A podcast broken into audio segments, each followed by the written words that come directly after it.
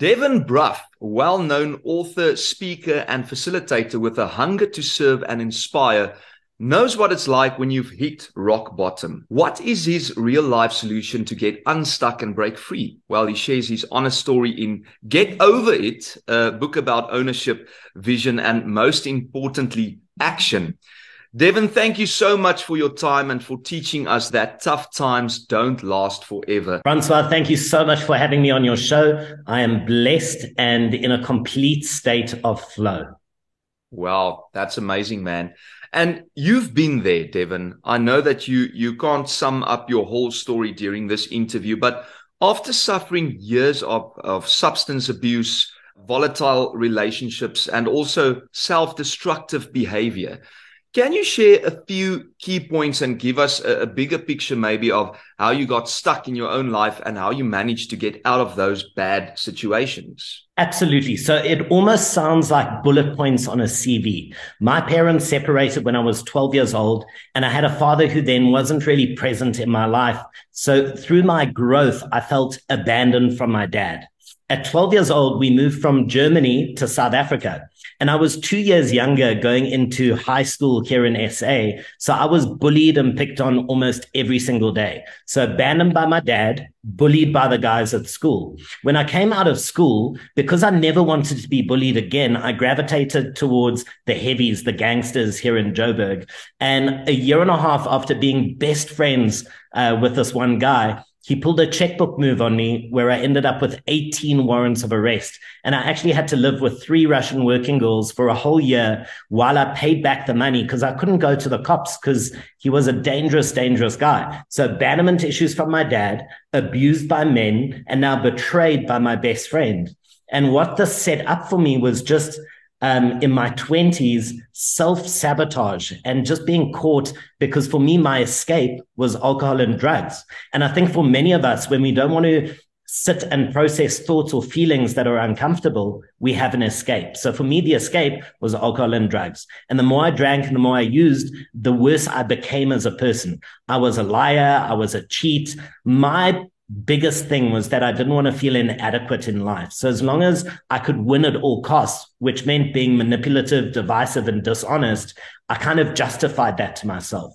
But the more guilty I felt, the more shameful I felt because of who I'd become, the worse my addiction and alcoholism became. And I remember at 22 and 26, I tried to commit suicide, so twice. And at 26, I thought I was so desperate not to use and not to drink I even moved from Johannesburg to Cape Town at 26, but within two weeks, I had a drug dealer delivering to my door. So I felt so frustrated. I hated the person who was looking back at me in the mirror. And I thought if my life is just going to be this endless cycle, it's actually less painful to end it all right now than living for one more day. But thank goodness I didn't get suicide right. But it took me many more years. It was only at the age of 33 that I actually went to rehab. So life had finally brought me to my knees. And I said the three words that are probably hardest to say for any person, but especially men. And you want to guess what those three words are? No, I need help. Our ego prevents us from saying these words. And the day I said, I need help, was the day that my life began to change forever. So I immediately went into four months of inpatient rehab. And rehab for me was the first time that I had to stop running and face my stuff. And face my stuff, I did. And I came out of rehab with this renewed energy and lease for life. I went into the luxury property space. And bear in mind, I'm a D and an E student. So it's not like I'm uh, immensely clever or academic. There's nothing that is different from me to your viewers, but I had a plan. I knew what I wanted to achieve. And within four years, I hit a billion turnover in the luxury property space, having never been in that industry at all. So it's just testament that there's nothing special about me. And if any person has the desire to change or transform their life, if you're feeling stuck, there is hope and anyone can do it. Well, and we can also add those three words, I love me at the end of the day. And thank you so much for for this honest story today. But in other words, Devon, no matter the mistakes of your past, you deserve to be happy and also successful as you are today. Is it really that simple for change to happen with only one simple decision? I think nobody teaches us about how to overcome pain challenges and obstacles in life. And often when we face pain challenges and obstacles, our default is fight, flight, or freeze. It's our reptilian part of our brain. This is how we've been conditioned through evolution. So we fight. We don't want to accept that an experience is happening and we push back with all our might. And this just becomes exhausting. Or flight. We turn and we run away. And we all have our escape. For me, it was alcohol and drugs. For others, it could be their career. It could be a relationship because, hey, it's easier to deal with someone else's stuff and point out their problems than it is to sort out your own, or we freeze. We are so stuck in panic, anxiety, the state that we call depression, that we give away any of our power to take action and do anything about our situation. So the decision is just the beginning. But then once you've made that decision, you need a blueprint of what you need to do because nobody teaches us this. We learn through trial and error. We learn through experience. And that's exactly what I wanted to achieve with my book, Get OVA It, is to really impart a blueprint of how to stack ownership, vision, and action to get over pain challenges and obstacles that keep us stuck.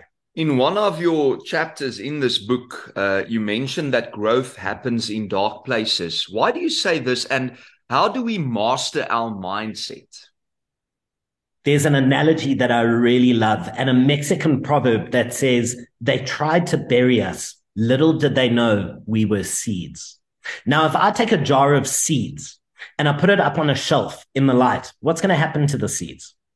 Nothing, right? Because that's not what seeds are meant for. But if you take a seed, let's say an acorn, and you push it into the soil and you cover it up, that seed, that acorn is now in darkness. What happens then? It begins to grow. So anytime in life that we feel that we are buried, you are not buried by your problems. You're not buried by your financial burdens. You're not buried by your traumas. You have been planted in that moment. And what happens in that growth is you can see what you're truly made of. Your character is being crafted. The same way, if you think of table grapes or a bottle of wine, table grapes sell for about 14, 15 rand a bunch, but a bottle of wine in the hands of a master winemaker can sell upwards of 300, 400 rand. So the value is released in the crushing. It's when those grapes are being pressed and crushed and undergoing that pressure. The same way as humans, I almost say you have more value the more you have gone through in your life because you're now equipped to help the person that you once were.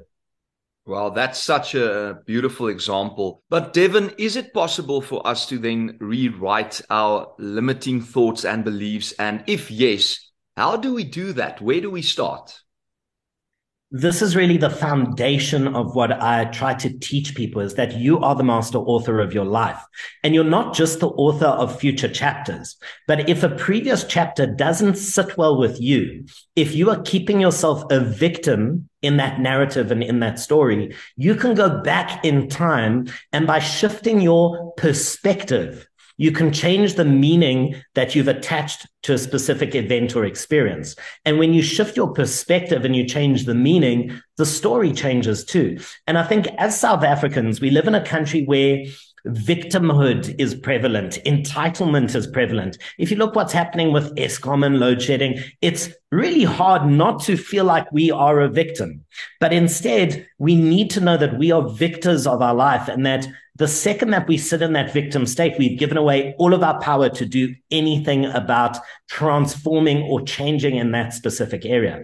So when you rewrite your story, the key is to let go of the thoughts and the feelings that are not serving you. So when it comes to feelings, anger, resentment, guilt, and shame, and it really is possible for you to change that story.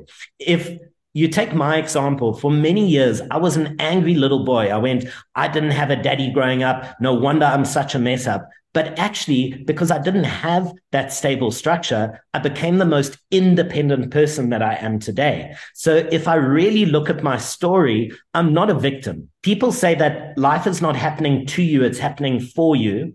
But I want to take this one step further. Life is not happening to you, it's happening for you, but it's also happening from you because the story that you tell about your life and about yourself is going to dictate what you see showing up in your life.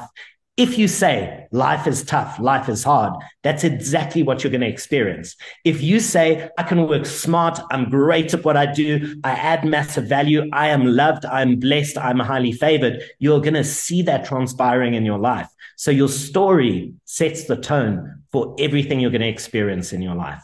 Well, I love that. Don't be a victim, rather be a victor. Uh, thank you so much for sharing that, Devon. And how can I positively shape what I think and what I feel? And is there a way to limit external factors to get closer to live a happier and a fuller life? I really love this question. Now, as humans, we are conditioned. We get conditioned by society. We get conditioned by our parents, by our teachers.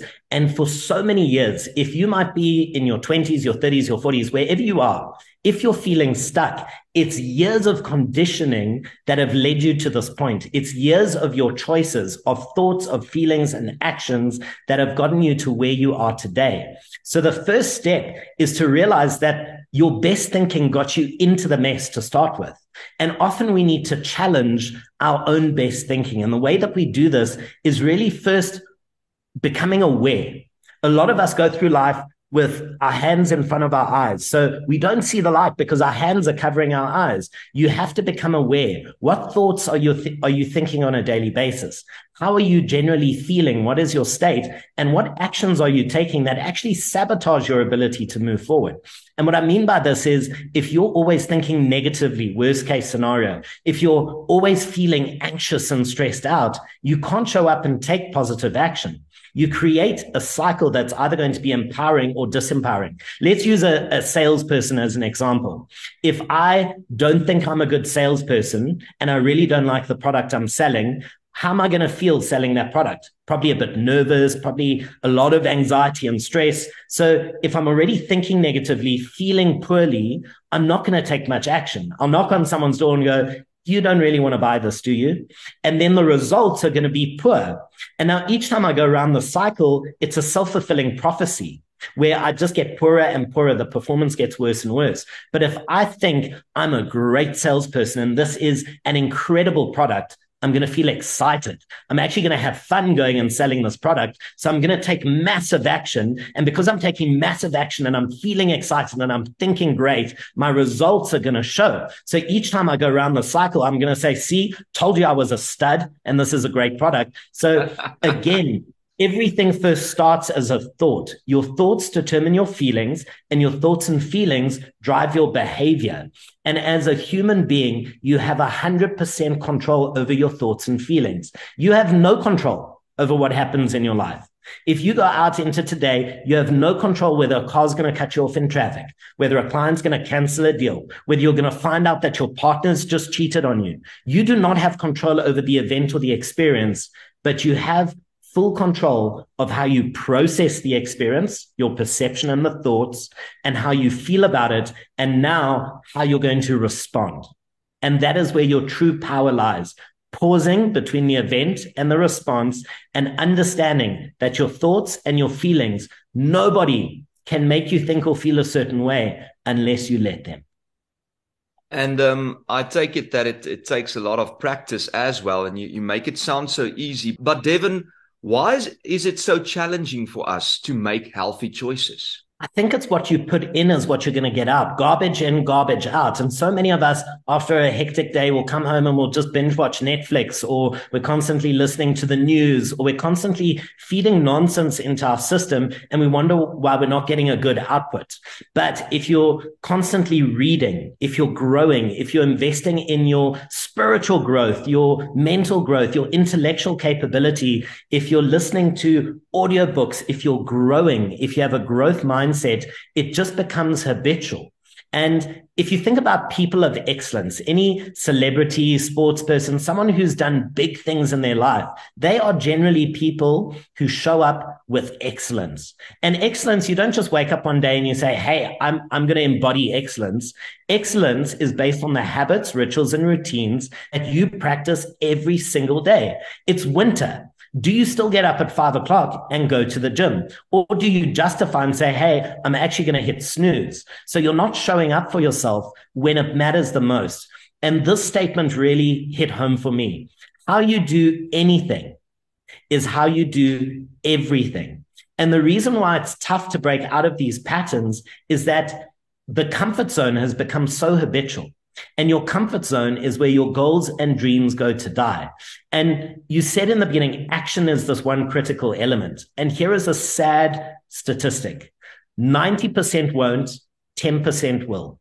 The numbers don't change, only the faces. Let me repeat that 10% will, 90% won't. So only one in 10 people will actually take action towards their goals and dreams. So right now, of your listeners, only one in 10 will actually step outside the box and do whatever it takes to live the life that they want to live. Nine out of 10 are probably going to a job that they don't even enjoy to make money just to pay bills that they don't even want. And they do this year after year and call this a life, which is why sometimes transformation, you need this, you need a shock to get out of your comfort zone. And so many people wait for a time of crisis, whether they're lying in the hospital, whether they've just had a massive health scare or something big and scary has happened. And my message today, why wait. If you feel stuck, if you're unhappy with where you are, if you feel like you're not living life to the full, start today. And it starts with awareness and the decision that you deserve more. But Devon, I also need to ask you because as I'm listening to you, I'm thinking about people and um, comparison. So you, for instance, say that you need to get up at four to be at the gym at 5 a.m. But for somebody else, it might be a 5 p.m. gym class. So, how important is it not to uh, compare yourself to other people around you, but to find something that will work for you?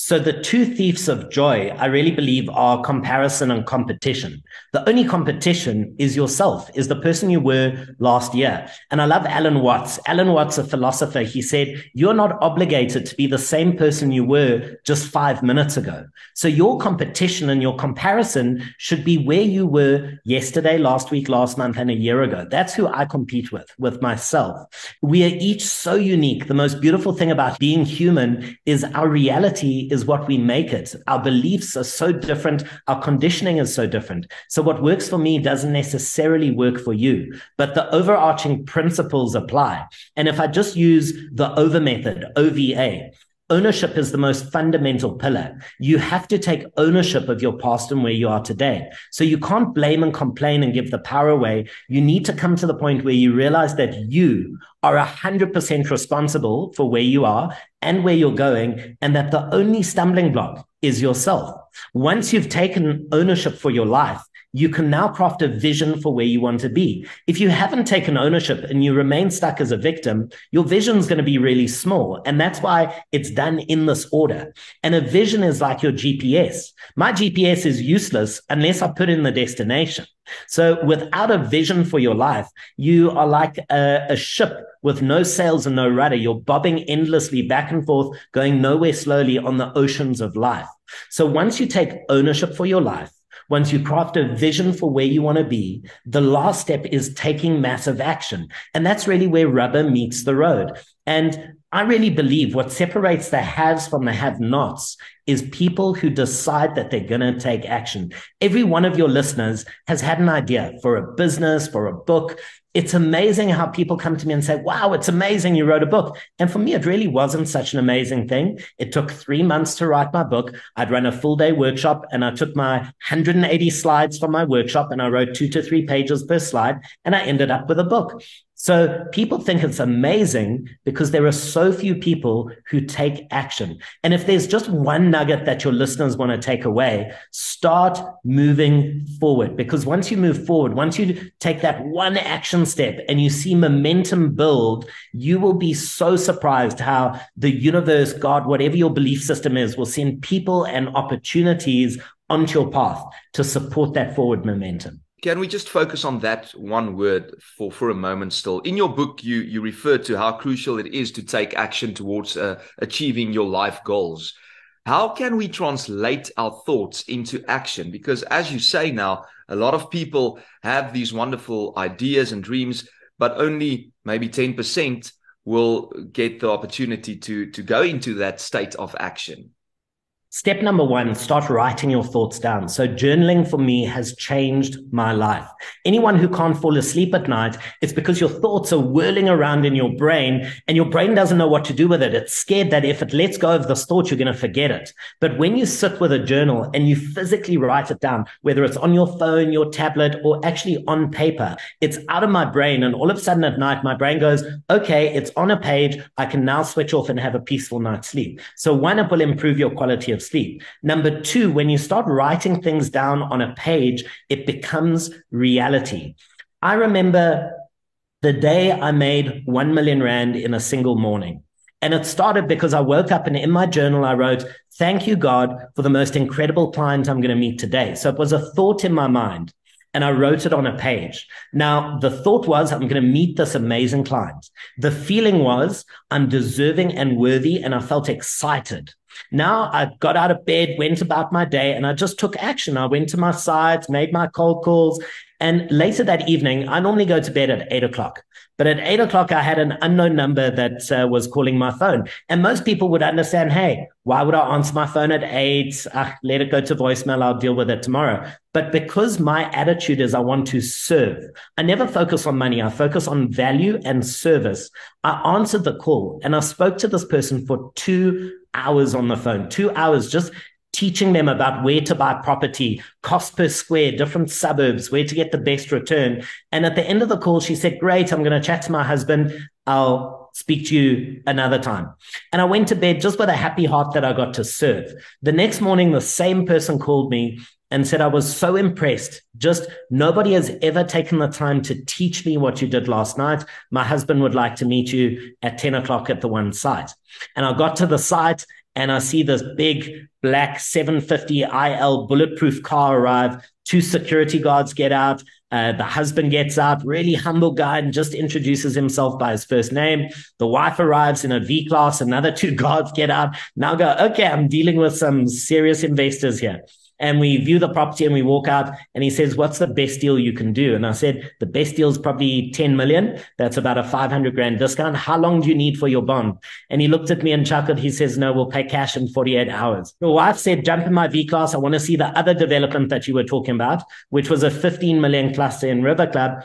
And we go there. She has a look. She says, we'll take this one too if you feel like you can get a good rental. So one day, 25 million rand in sales at 4%, a million rand of commission just because I aligned my thoughts, my feelings, and my actions. And this is the magic that any person can experience when they take ownership, craft a vision, take massive action, but also align with how they think, how they feel, and how they act. So again, it's not rocket science. If you feel stuck, there are blueprints. There are ways that step by step you can get yourself out of the rut becoming aware, starting to be conscious of your thoughts, your feelings, and your actions, writing things down, knowing where you want to be, and then just showing up and doing the little, because a little by little, a little adds up to become a lot.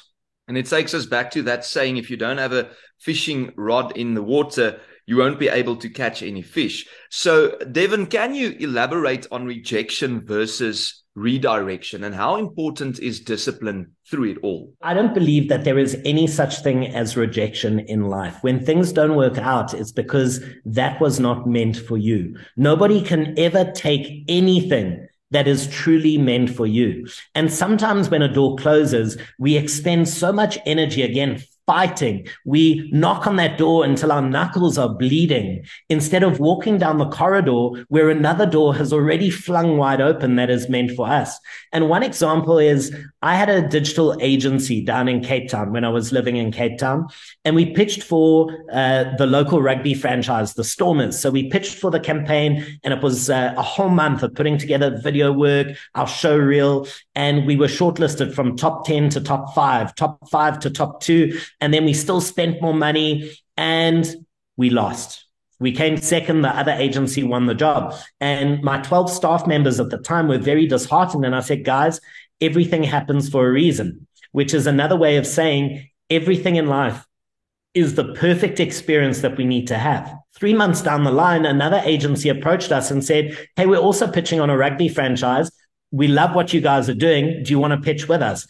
And we pitched with this agency and we won the Springboks for three years. So for three years, we worked on Springbok Rugby, the Sevens, the Legends campaign. My uh, staff all had pictures with Eben Etzebeth and their rugby legends. Now, if we had won the Stormer account, we would have been out of the running to pitch on the Springboks because it would have been conflict of interest. So while we were thinking on provincial level, there was a whole nother idea for us to win the national account. So in that moment, that rejection of not getting the local team was so we could get something much, much much bigger.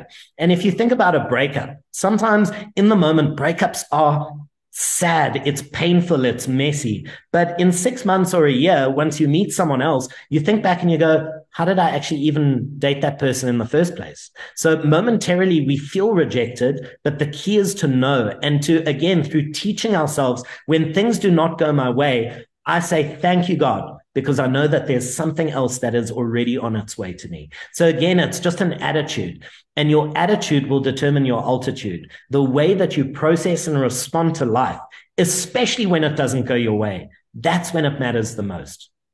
On to the next. And Devon, I had the privilege to meet you the other day. We were busy uh, recording for a TV show and you you spoke to me in the kitchen about this book, and I could see that you are very passionate about Get O V A It. Uh, but I also saw that you you very well built. You have a six pack. Uh, biceps is daar, jy lyk fantasties. How can regular exercise help improve my mental health and overall well-being? So again, let's talk about becoming a person of excellence. And excellence is created by your habits, your rituals, and your routines.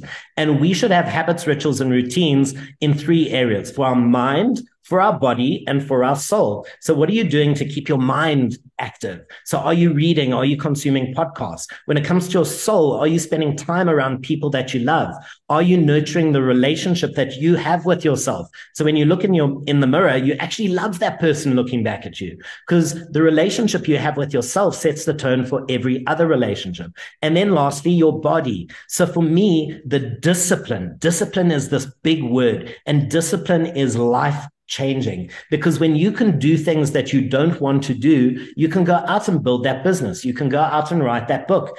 If you can't do the little things and if you lack discipline, whether that's just getting to the gym, eating right, uh, looking after the way that you feel. Because again, I have a six pack not just for the sake of looking good, but I want to feel great. When I'm walking into a negotiation for a 250 million rand development, I want to feel at my peak. I want to have the great energy and people feel your energy when you walk in a room. And it's almost like when I go and I say, this is what we do. This is what we deliver. When someone looks at me and they see that my body's in great shape, they go, okay, this is a person of discipline. It's someone we would feel comfortable working working with. Because if he's disciplined in his own life, he's going to be disciplined when it comes to the project that we're working on together. So the way you treat yourself sets the tone for how the world is going to treat you. So again, it's not just about looking good, but it's about feeling great. And it's that discipline filters into every single area. And I just want to use one example. I want to ask your listeners who hits the snooze button? And be honest with yourself. Who hits the snooze I button? I do. I do. And now I'm going to tell you why this is so detrimental for you on a subconscious level. Mm. The night before we go to bed, we are setting an intention. An intention is a promise that we're making to ourselves. So you're saying, I promise I'm going to wake up, whether it's at four, five, or six. Now, as your alarm rings the next morning, on a conscious level, especially now in winter, you can justify and have an excuse and say, oh, but it's warm, just five more minutes. It's not going to make me any later than, than what I need to be. So we justify and we have the excuses on a conscious level. On a subconscious level, it, it's more black and white. I made a promise to myself the night before, and the first thing I do before my feet hit the floor in the morning, I've just broken a promise to myself. And we create this little feedback loop in our subconscious that says, I'm useless and I cannot rely on myself. And if we can't get out of bed, when we say we're going to get out of bed, how are you going to get to the gym? How are you going to have a hard conversation with your romantic partner? How are you going to set a boundary with a family member who's treating you a way that they shouldn't? Or how are you going to get up and go and start that business or take action towards your goals and your dreams? Mm. How you do anything is how you do everything. And I believe that every single person is deserving and worthy and more than enough. You deserve to live a life that fulfills you. And I want to sometimes shake people and say, you should be waking up excited to go and do what you do. You need to be in love with your vocation and what you're doing, in love with the person that you are because you're adding value into the world, and in love with the people that you surround yourself with. And in the corner or in the center of that love for self, love for others, love for what you do, that for me is where true contentment lies. And that is your birthright. It is your birthright to be happy, to live a life filled with love, and not to be pulled down into the lower vibrations of anger, resentment, guilt, and shame. I'm just wondering now, do you ever make time for rest? Rest is really important to me. And uh, I'll give away a little secret. I come home almost every day between three and four o'clock and I have a 45 minute nap. So I work smart, not hard. So my belief system is I'm so good at what I do that I don't have to work hard. I don't have to be in the state. A lot of people are in the state where they feel they have to be busy all the time because busyness equates to productivity. But that's not the case. I'm in bed at eight o'clock every night. I'm asleep by 8.30. Sure, I wake up between 4.30 and 5. So I'm an early riser, but I'm in bed by 8. I've already read, I've listened to podcasts, I've had a video call with some of my best friends. I've fed so many areas of my life. And just to add here, because rest is just part of who we are as a human. Sometimes think of your life as a pizza. Often we only focus on two slices, our career and our romantic partner because those two slices, for some reason, just seem so delicious.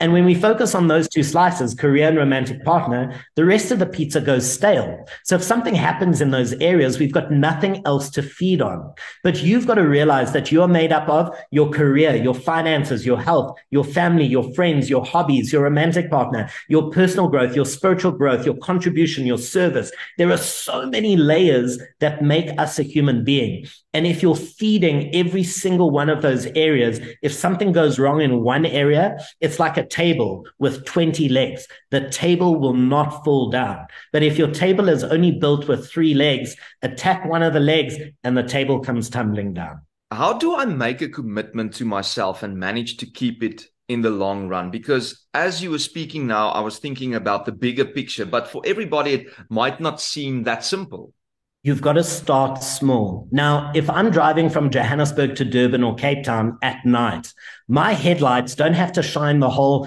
500 or 1000 kilometers.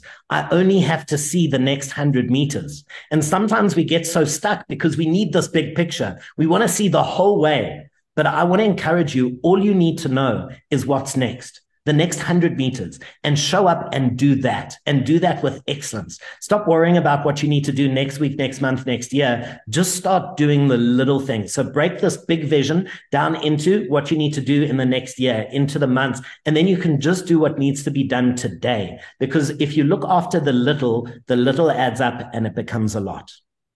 Devin, jy gee vir ons fantastiese raad vandag. Dit voel vir my ek wil nou my chequeboekie uitdruk wat ek nie het nie en net vir jou uh daar ietsie op skryf om vir jou te pos en te sê dankie vir al hierdie ongelooflike tools, die inligting wat jy vir ons gee, gratis en en verniet. En uh dankie ook vir hierdie boek Get OVA It wat ons inspireer. En um so gepraat daarvan how can people contact you and where can we get more complete information about your book Instagram is my go to platform. I post videos there every single day and I post videos of what I'm going through. So if I'm going through a challenge in my life, I unpack it and I make a video and I share with people how I get over my own pain, challenges, and obstacles. So it's very real, it's very raw. And that is the best way that people can communicate with me. I run workshops on a monthly basis and it's the best way to get information about my book.